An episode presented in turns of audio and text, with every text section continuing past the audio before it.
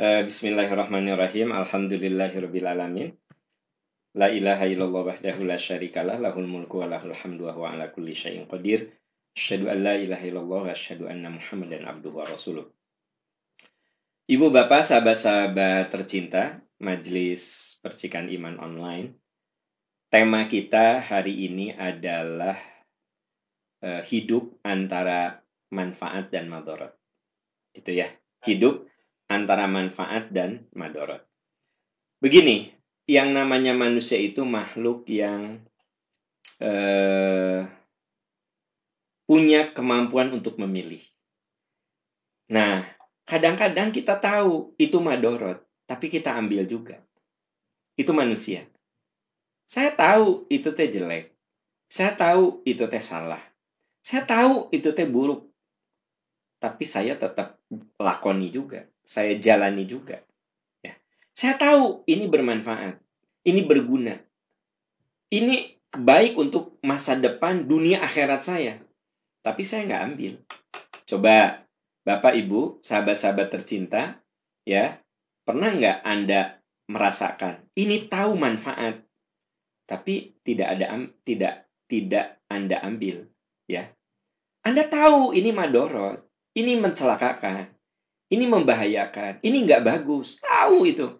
Tapi tetap saja kita jalani. Pernah ya? Nah, nah makanya kita perlu bahas. Hidup antara manfaat dan madorot maksudnya bagaimana kita bisa hidup ya istiqomah dalam kemanfaatan. Jadi kalau itu manfaat, ya kita ambil kemanfaatan itu. Kalau itu madorot, ya kita tinggalkan kemadorotan itu.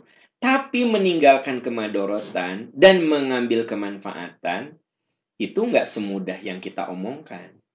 Nah, ini yang akan kita gali. Gimana caranya supaya kita bisa mengambil kemanfaatan? Begitu kita tahu bahwa itu manfaat, kita ambil.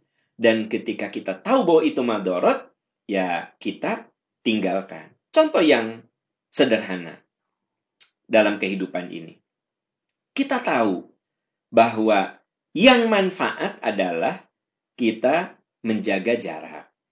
Yang manfaat adalah kita rajin cuci tangan. Yang manfaat adalah kita pakai masker.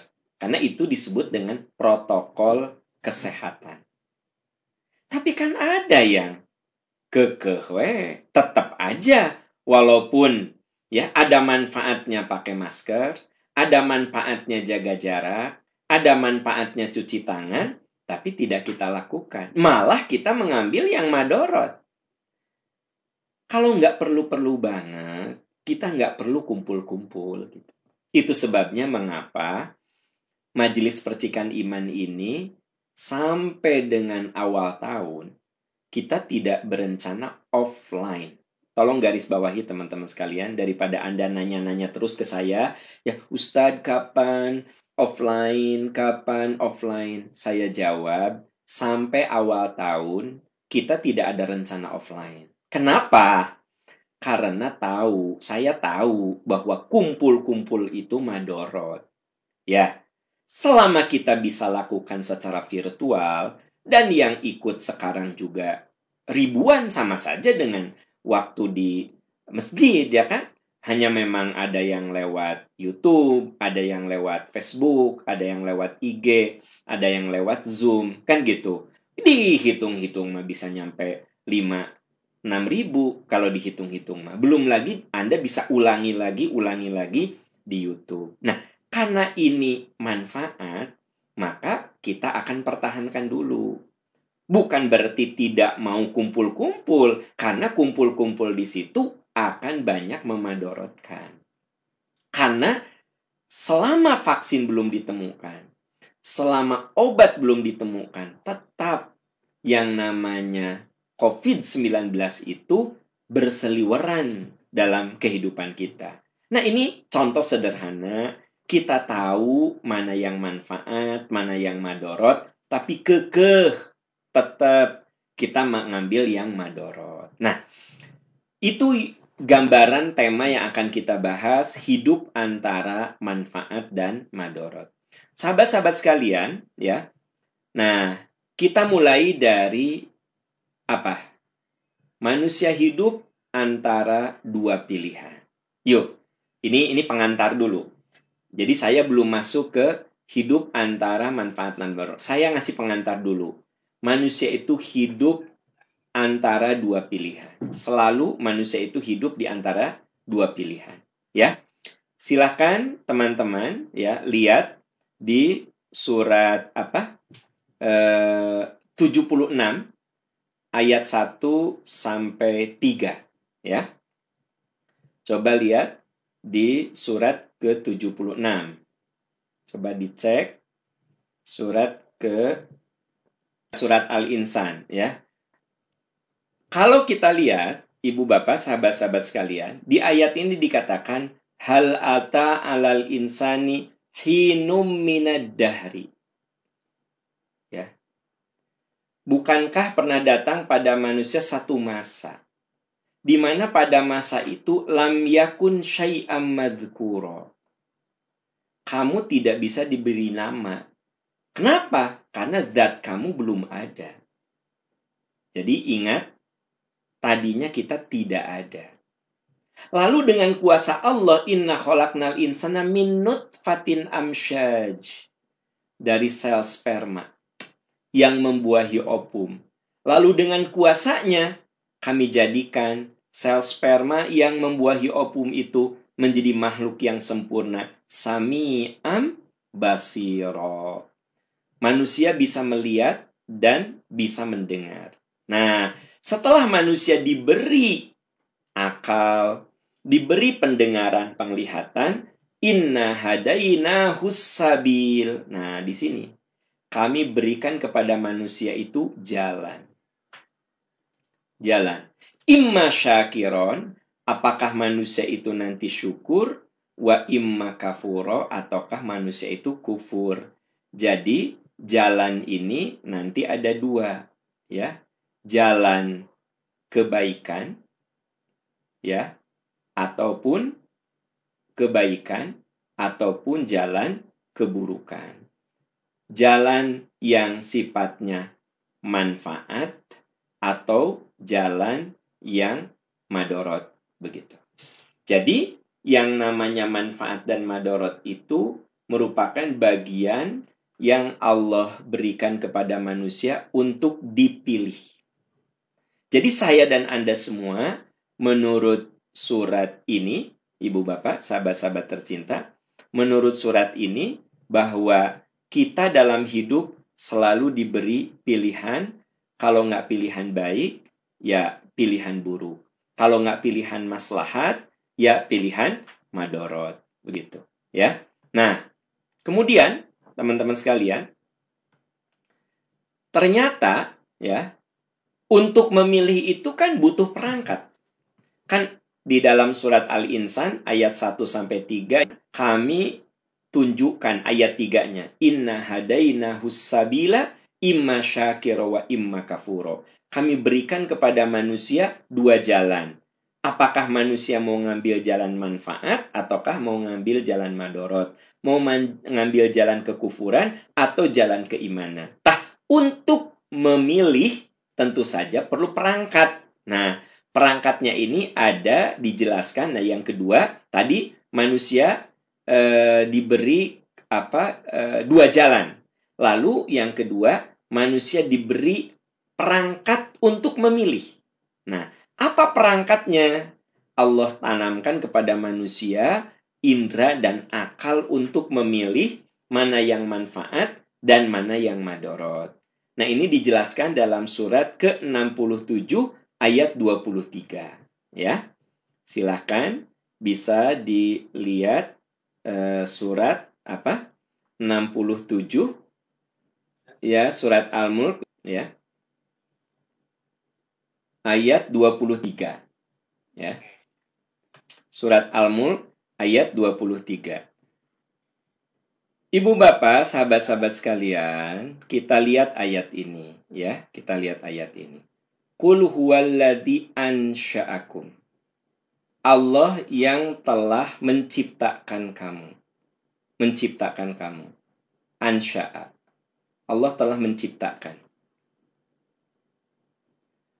Lalu setelah Allah menciptakan, Allah beri manusia perangkat pendengaran, wajah lakum sama, wal absoro, penglihatan, wal afidata, hati. Nah, afidah ini ya, ini gabungan dari akal dan hati. Akal dan hati. Itu yang kemudian suka disebut dengan afidah. Berarti manusia itu oleh Allah Subhanahu wa taala ya diberi perangkat untuk memilih mana yang manfaat dan madorot dengan perangkat-perangkat yang diberikannya. Manusia diberi pendengaran, manusia diberi penglihatan. Itu yang disebut dengan alat indera, lalu Allah berikan kepada manusia akal dan hati untuk memilih mana yang manfaat dan madorot. Tapi ayat ini mengatakan qalilam ma tashkurun sedikit sekali kamu menggunakan indera, akal, hati untuk apa? Memilih yang maslahat. Ya. Itu jadi sedikit sekali kamu memilih yang maslahat. Kamu kadang-kadang dengan akal, dengan hati, dengan indera, kamu malah milih yang madorot. Begitu. Nah, ini kalimatnya menggunakan kolilam matashkurun. Sedikit kali, sedikit sekali kamu punya rasa terima kasih. Nah ini poin yang kedua. Jadi poin yang pertama, eh, sahabat-sahabat sekalian, poin yang pertama yang namanya manusia itu diberi pilihan. Lalu yang kedua, manusia diberi perangkat untuk memilih. Nah, yang ketiga, manusia akan mengalami kehinaan saat salah memilih. Nah, jadi yang ketiga, manusia akan mengalami kehinaan saat atau ketika salah memilih. Begitu salah memilih, nah, manusia itu akan mengalami kehinaan. Jadi ketika indera yang Allah berikan, perangkat indera, pendengaran, penglihatan, akal, kolila matashkurun, malah kamu gunakan untuk memilih kemadorotan, nah, kehinaan yang akan dirasakan oleh manusia ketika dia memilih kemadorotan itu. Ya, coba dilihat surat ke-7 ayat 179. Ya, surat ke-7 ayat 179. Ibu bapak, Coba bisa lihat ayat ini. Walakod zarokna li jahannama kathiro minal jinni wal ins. Sungguh kami telah siapkan jahanam itu kebanyakan penghuninya dari jin dan manusia. Apa penyebabnya? Karena manusia salah memilih. Jangan lupa, saya lagi berbicara apa? Saya lagi berbicara apa? bahwa manusia itu diberi dua jalan, ya. Kemudian manusia itu oleh Allah diberi perangkat untuk memilih. Ya, tadi suratnya sudah saya sampaikan. Nah, yang ketiga, ketika manusia itu salah memilih, maka dia akan mendapatkan kecelakaan baik dunia atau akhirat karena dia malah mengambil kemadorotan. Kenapa? Karena tidak menggunakan kulub. Kulubnya itu tidak digunakan untuk memahami. Ayunun mata tidak digunakan untuk layub sirun, tidak digunakan untuk melihat kebenaran. Adhanun ya, telinga telinganya juga tidak digunakan untuk mendengarkan nilai kebenaran. Apabila pikiran dan hati, mata, telinga tidak digunakan untuk mengakses kebenaran, maka dia itu berarti salah menggunakan, salah memilih. Apa yang terjadi? Ulaika kal an'am. Dia akan seperti binatang ternak, balhum adol, bahkan lebih hina. Kalau binatang ternak masih dinikmati dagingnya. Saya punya kambing, ternyata kambing saya itu sering merusak tanaman orang lain, sering mengotori halaman orang lain. Banyak tetangga yang protes ke istri saya. Bu, itu tuh kambingnya tuh merusak tanaman saya. Kotorannya merusak halaman saya. Nah, istri saya ngomong, Papa, eta kambing kita teh geningan malah merusak tetangga, tanamannya rusak. Akhirnya saya bilang, Mama, udahlah, kita sembelih aja ya. Kambingnya kita sembelih, terus nanti dagingnya kita bagikan ke tetangga, hitung-hitung minta maaf. Nah itu kalau yang nakal itu kambing yang kita punya. Kebayang nggak kalau yang nakal itu suami ibu? Nah, ya suami ibu tetangga pada protes tuh suaminya si ibu fulanah tah orang nate uh ya ngeganggu istri tetangga, ngeganggu anak gadis, ya kan gitu. Kan ibu nggak bilang, nggak bisa ke anak-anak, nah si ayah teh kita sembelih aja tuh nah kita bagikan dagingnya ya ke tetangga hitung-hitung kifarat. Nah kan nggak bisa. Makanya kalau binatang ternak masih lebih mending. Kita bisa menikmati dagingnya. Kalau manusia sudah salah memilih yang dia pilih kemadorotan coba yang dia pilih itu kemadorotan, maka dunianya capek, akhiratnya lebih capek lagi. Nah, ibu bapak, sahabat-sahabat tercinta, ini eh, saya sebut sebagai pengantar.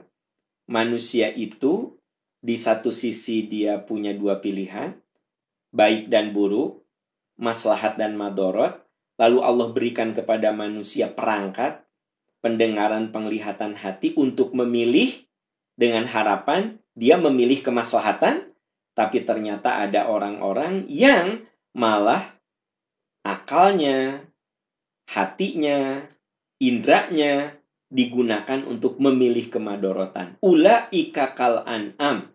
Maka mereka itu seperti binatang ternak, balhum abdol. Bahkan lebih hina dari binatang ternak. Karena malah memilih kemadorotan. Nah, sekarang ya bagian yang berikutnya adalah saya akan masuk ke agar hidup bertabur manfaat. Nah, ya, kan kita bicara hidup antara manfaat dan madorot. Nah, tadi pengantarnya yang tadi itu tiga surat yang saya sampaikan tuh pengantar, pengantar, ya. Nah, sekarang baru masuk ke permasalahan agar hidup bertabur manfaat. Ya. Bagaimana caranya agar hidup kita bertabur manfaat? Satu, satu, menjaga relasi dengan Allah. Itu yang pertama. Jadi kalau hidup kita ingin bertabur manfaat, bertabur kebaikan, bertabur keberkahan, mulai dari apa? Menjaga relasi dengan Allah Subhanahu wa taala menjaga hubungan kita dengan Allah Subhanahu wa taala. Itu yang pertama. Bisa dibuka surat ke-17 ayat 78 sampai 80. Ya. Oke, Ibu Bapak jangan lupa kita sedang membahas apa? Agar hidup bertabur manfaat.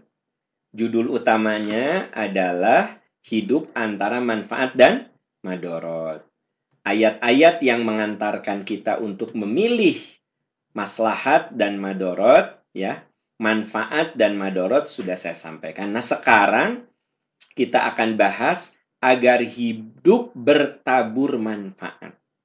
Agar hidup bertabur maslahat, manfaat, maslahat, kebaikan, keberkahan itu-itu juga, ya. Nah, dimulai dari mana? Dimulai dengan membangun relasi. Ini penting nih. Relasi. Ya. Relasi apa? Kita ya dengan Allah. Kita dengan Allah. Ini mulai dari sini. Relasi kita dengan Allah Subhanahu wa taala. Ini mulai dari sini, saudara-saudara sekalian. Ya. Jadi kita mulai dari relasi dengan Allah Subhanahu wa taala. Mari kita lihat ya ayatnya aqimis solata lidulu syamsi laksanakan sholat, dirikan sholat, lidulu kisyamsi, sejak matahari tergelincir. Kalau tergelincir matahari itu waktu duhur. Karena itu tergelincir, ya. Waktu duhur. Ila ghosakil lail. Sampai gelapnya malam. Yaitu isya. Nah, di gosakil lail itu adalah isya. Kalau tergelincir, duhur. Ila ghosakil lail. Sampai isya. Berarti duhur, asar, maghrib, isya. Wa Qur'an al-fajri. Dan lakukan sholat subuh. Jadi kalau kita lihat ayat ini bicara tentang apa? Ini ayat bicara tentang sholat lima waktu. Ya, jadi ayat ini surat Al-Isra ayat 78 itu bicara sholat yang lima waktu. Akimis sholata lidulu kisyams. Dulu kisyams itu apa? Sholat yang tergelincir itu kapan? Duhur. Ila ghosakil lail. Sampai isya. Ya, sampai malam. Berarti duhur sampai isya ada apa? Ada asar, ada maghrib. Baru wa Qur'an al-fajri. Dan sholat subuh. Inna Qur'an al-fajri kana masyhuda. Sesungguhnya sholat subuh itu disaksikan malaikat. Ini Bapak Ibu, sahabat-sahabat, saya ulangi ini bicara sholat wajib. Ya, ini sholat wajib. Ini relasi kita dengan Allah melalui ibadah-ibadah wajib. Selain ibadah-ibadah wajib, tambah ya, tambah dengan ibadah sunnah. Nah, gitu. Ini relasi apa? relasi kita dengan Allah. Apa ibadah sunnahnya? Wa minal laili fatahajjad bihi. Tahajud nafilatallaka. Sholat tambahan untukmu. Ya yang namanya sholat tambahan bukan hanya tahajud. Sholat rawatib, sholat duha, sholat syukrul wudhu. Tapi di sini dicontohkan sholat tahajud nafilatallaka sebagai ibadah tambahan yang dimaksud dengan ibadah tambahan itu ibadah sunnah.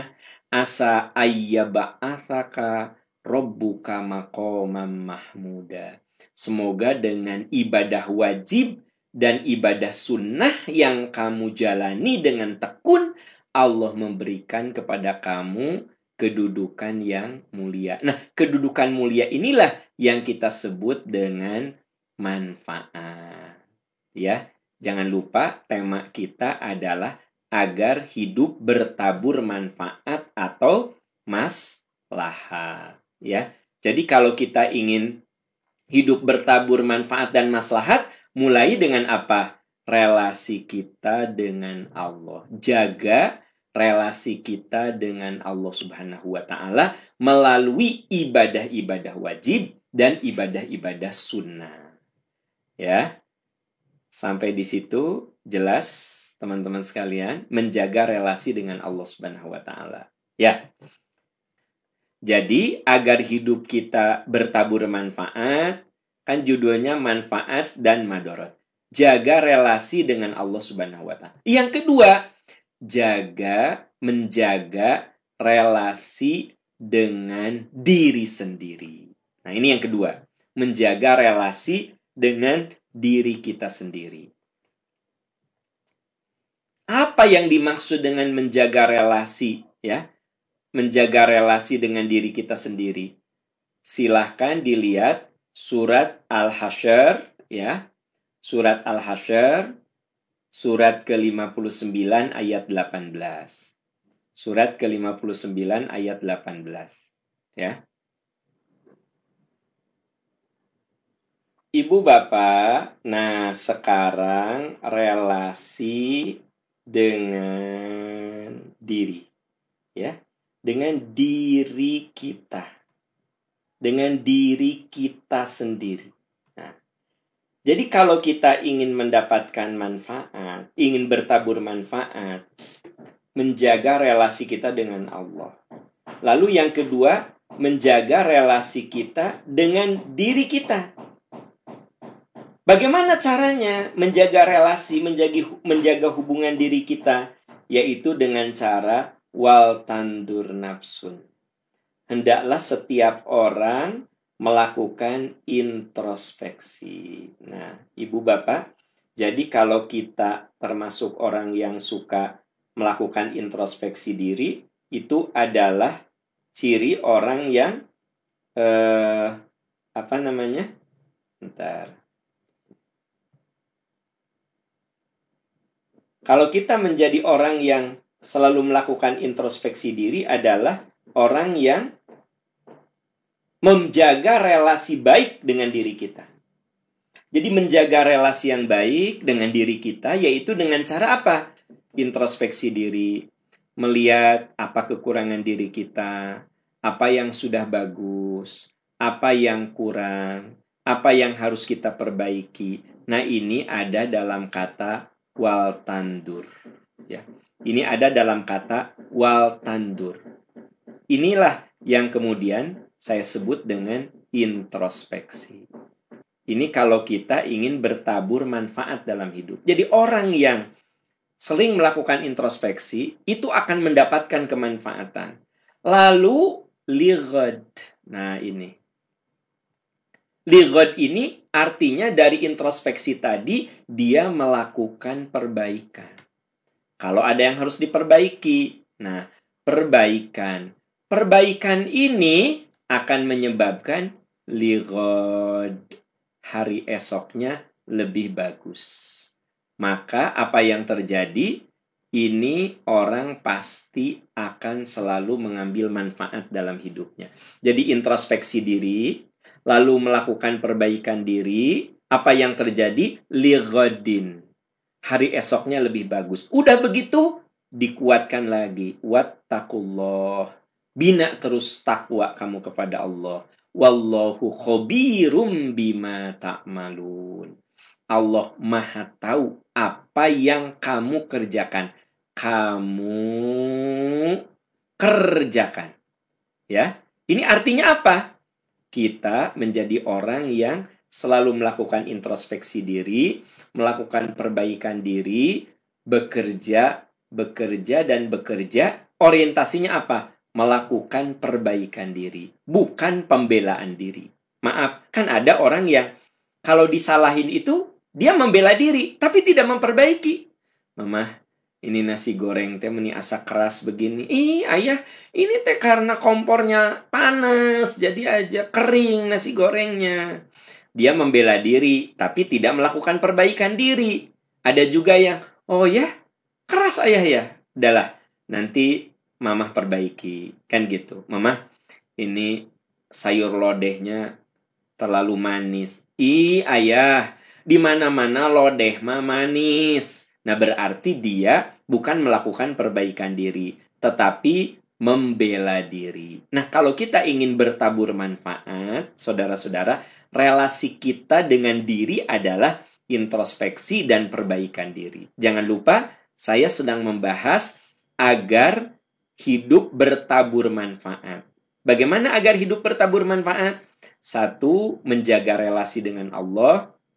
Yang kedua, menjaga relasi dengan diri kita, ya, yaitu kita melakukan muhasabah, introspeksi diri dan perbaikan diri. Yang ketiga, menjaga relasi dengan orang lain.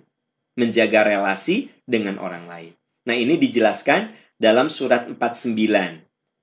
Ya, surat 49 ayat 11 sampai dengan 13. Surat Al-Hujurat ya surat Al-Hujurat. Oke. Bapak Ibu, kalau kita ingin bertabur manfaat dalam hidup, satu menjaga relasi kita dengan Allah. Insya Allah kemanfaatan-kemanfaatan akan kita rasakan. Yang kedua, jaga relasi dengan diri kita sendiri, yaitu dengan banyak melakukan introspeksi diri, perbaikan diri. Itu namanya relasi dengan diri kita. Dan jangan lupa, kita juga harus menjaga relasi kita dengan orang lain.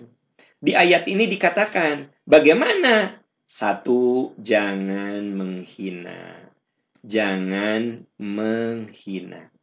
Ya, menghina. Ini yang pertama. Jangan. Jangan menghina. Itu yang pertama.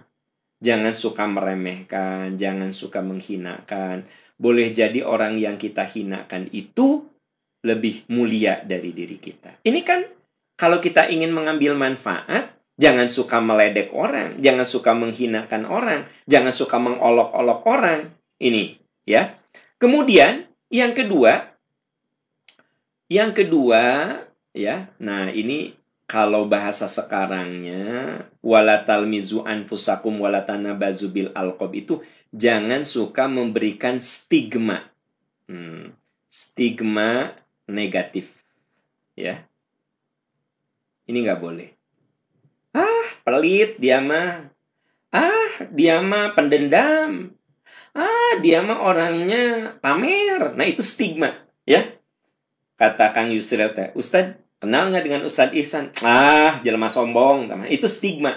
ya Orang sombong dia mah. Itu stigma. ya Jadi jangan menghina.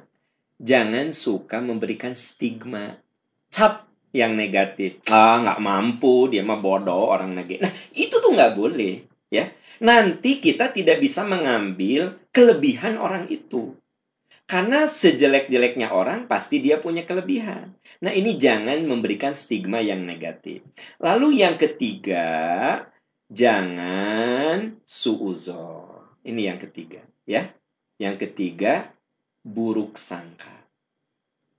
Buruk sangka. Ini yang ketiga. Jangan suudon. Yang keempat, ya, yang keempat ini. Yang keempat, tajasus. Tajasus itu melihat sisi negatif ya negatif. Jadi kalau saya melihat Ustadz Ihsan selalu sisi negatifnya. Padahal yang namanya manusia itu dia punya sisi positif atau negatif. Suami ibu tuh memang pelit tapi penyayang dan setia ngan pedit gitu. Jangan dilihat pelitnya, penyayang dan setianya. Suami ibu, dia dermawan sama ibu, apa pun yang ibu mau, ibu kasih. Tapi dia dermawan juga ke wanita-wanita lain. Nah, jadi itu negatifnya, kan gitu. Jadi sebenarnya manusia itu, kalau Ustadz Ihsan lihat saya, pasti Ustadz Ihsan lihat sisi baik dan sisi buruk saya sisi negatif, sisi positif saya. Kalau saya lihat Ustadz Ihsan, sama. Saya tahu dia ada sisi positif, sisi negatif. Nah, kalau kita ingin mengambil manfaat, bertabur manfaat, jangan melihat sisi negatif seseorang, tapi lihat sisi positifnya. Itu jangan tajasus, ya. Terus yang kelima, jangan gibah. Gibah. Yang kelima itu gosip. Ya. Jadi saudara-saudara sekalian, ini lima hal yang harus dihindari agar kita bisa menciptakan kemanfaatan. Jaga relasi kita dengan orang lain, jangan menghina, Jangan memberikan stigma yang negatif. Jangan buruk sangka. Jangan tajasus melihat orang itu sisi jeleknya aja. Dan jangan gosip. Ya. Bahkan ya Allah menyebutkan orang yang gosip itu sama dengan memakai bang, memakan bangkai saudaranya. Berarti kan hal yang buruk banget. Nah, Bapak Ibu, jangan lupa saya sedang bicara apa? Agar hidup bertabur manfaat. Satu, menjaga relasi dengan Allah yang kedua menjaga relasi uh, dengan diri kita sendiri, banyak muhasabah, introspeksi diri, perbaikan diri, dan menjaga relasi dengan uh, sesama manusia.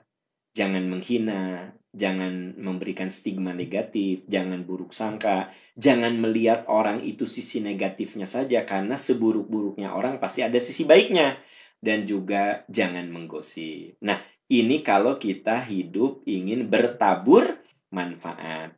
Dan yang kelima, eh yang keempat, menjaga relasi dengan alam.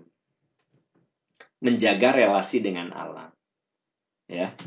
Ini rumus supaya hidup bertabur manfaat. Coba lihat surat 30 ayat 41 ya. Surat 30 ya. Surat ke-30 ayat 41. Coba kita cek ya. Surat Arum ya.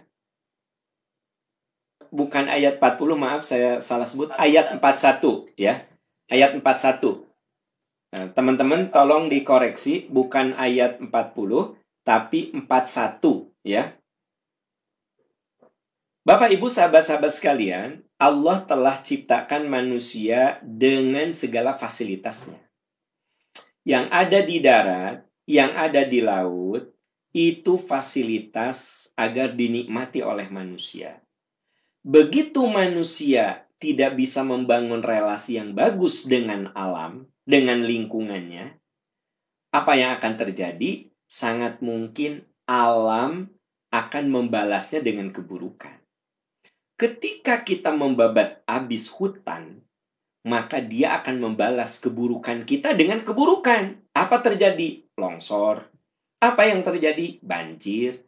Apa yang terjadi? Kekeringan yang panjang gitu. Ya.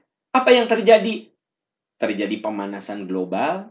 Itu semua terjadi bima kasabat karena ulah ya ulah manusia karena perbuatan manusia gitu. Jadi kalau kita ingin bertabur manfaat, coba jangan sampai kita ini membuat kerusakan di darat dan di laut. Jangan membuat kerusakan di bumi dan di laut. Kenapa? Sebab nanti kita tidak akan mendapatkan kemanfaatan. Contoh sederhana lah, kalau kita ya mencoba menanam apa di rumah kita, ya. Menanam cabai lah, menanam bawang lah, yang ringan-ringan untuk kehidupan rumah tangga. Apa yang akan terjadi? Manfaatnya masa beli cengek, masa cengek aja beli istilahnya kan gitu. Ah, tinggal di pot, ditanam. Ya, kalau cuma sekedar untuk bikin sambal mah ambil ambil ambil ya kan gitu. Padahal apa? Cuma satu dua pot kok gitu. Nah, berarti begitu kita bisa membangun relasi dengan alam, kasarnya nih, alam juga ngasih manfaat sama kita. Kenapa sekarang banjir di mana-mana, longsor di mana-mana, kekeringan yang dahsyat? Karena kita tidak menjaga relasi dengan alam sebenarnya. Kita tidak memperlu memperlakukan alam secara santun dan terhormat, maka alam pun membalas kepada kita. Nah, kalau diumpamakan alam itu makhluk hidup. Makanya di ayat ini dikatakan doharol fasadu fil bari wal bahri bima kasabat aidinas. Terjadi kerusakan di darat dan di, bu, di laut karena ulah tangan manusia. Liudhiqahum Allah Allah uh, apa uh, turunkan akibat itu untuk manusia dengan harapan la'allahum yarji'un. Ya, nih. La'allahum yarji'un, manusia itu insya sadar, ya. Nah, jadi udah tahu banyak kemadorotan, manusia itu kudu sadar, kudu insaf dengan ulahnya.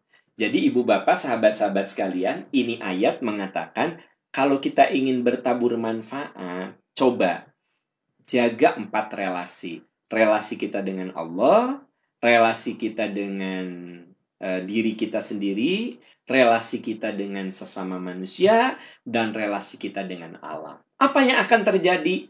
Insya Allah, hidup kita akan bertabur manfaat. Itu yang harus kita uh, usahakan bagaimana caranya supaya hidup kita bertabur manfaat. Nah, Bapak, Ibu, sahabat-sahabat sekalian, insya Allah besok akan kita apa? Akan kita bahas minggu depan akhlak perilaku yang menimbulkan madorot. Ya, jadi materi ini memang harus diselesaikan dua kali pertemuan ternyata. Ya, karena sekarang sudah jam 10, berarti saya sudah menyampaikan materi satu jam ya saya menjelaskan hidup antara manfaat dan madorot. Kita diberi perangkat oleh Allah untuk menggunakan akal pikiran nurani mengambil kemanfaatan-kemanfaatan. Tapi kadang kita tidak memilihnya. Nah, saya kasih rumus dulu menurut Al-Qur'an. Ya. Gimana caranya agar hidup kita bertabur manfaat. Rumusnya empat. Jaga relasi dengan Allah, jaga relasi dengan diri kita, jaga relasi dengan sesama, dan jaga relasi dengan alam. Insya Allah kemanfaatan demi kemanfaatan akan kita rasakan. Ya, itu Bapak Ibu sahabat-sahabat sekalian, terima kasih untuk semuanya. Jazakumullah khairan. Hanya Allah yang bisa membalas segala kebaikan Ibu Bapak dan semoga semua yang hadir di sini ya oleh Allah senantiasa diberi pertolongan, diberi kekuatan dan kita saling mendoakan agar kita selalu sehat, berkah dan husnul khotimah. Terima kasih. Jazakumullah khairan Saya undur pamit. Ya, Assalamualaikum warahmatullahi wabarakatuh. Subhanaka Allahumma rabbana wa bihamdika asyhadu an la ilaha illa anta astaghfiruka wa atubu ilaik. Walhamdulillahirabbil alamin. Wassalamualaikum warahmatullahi wabarakatuh.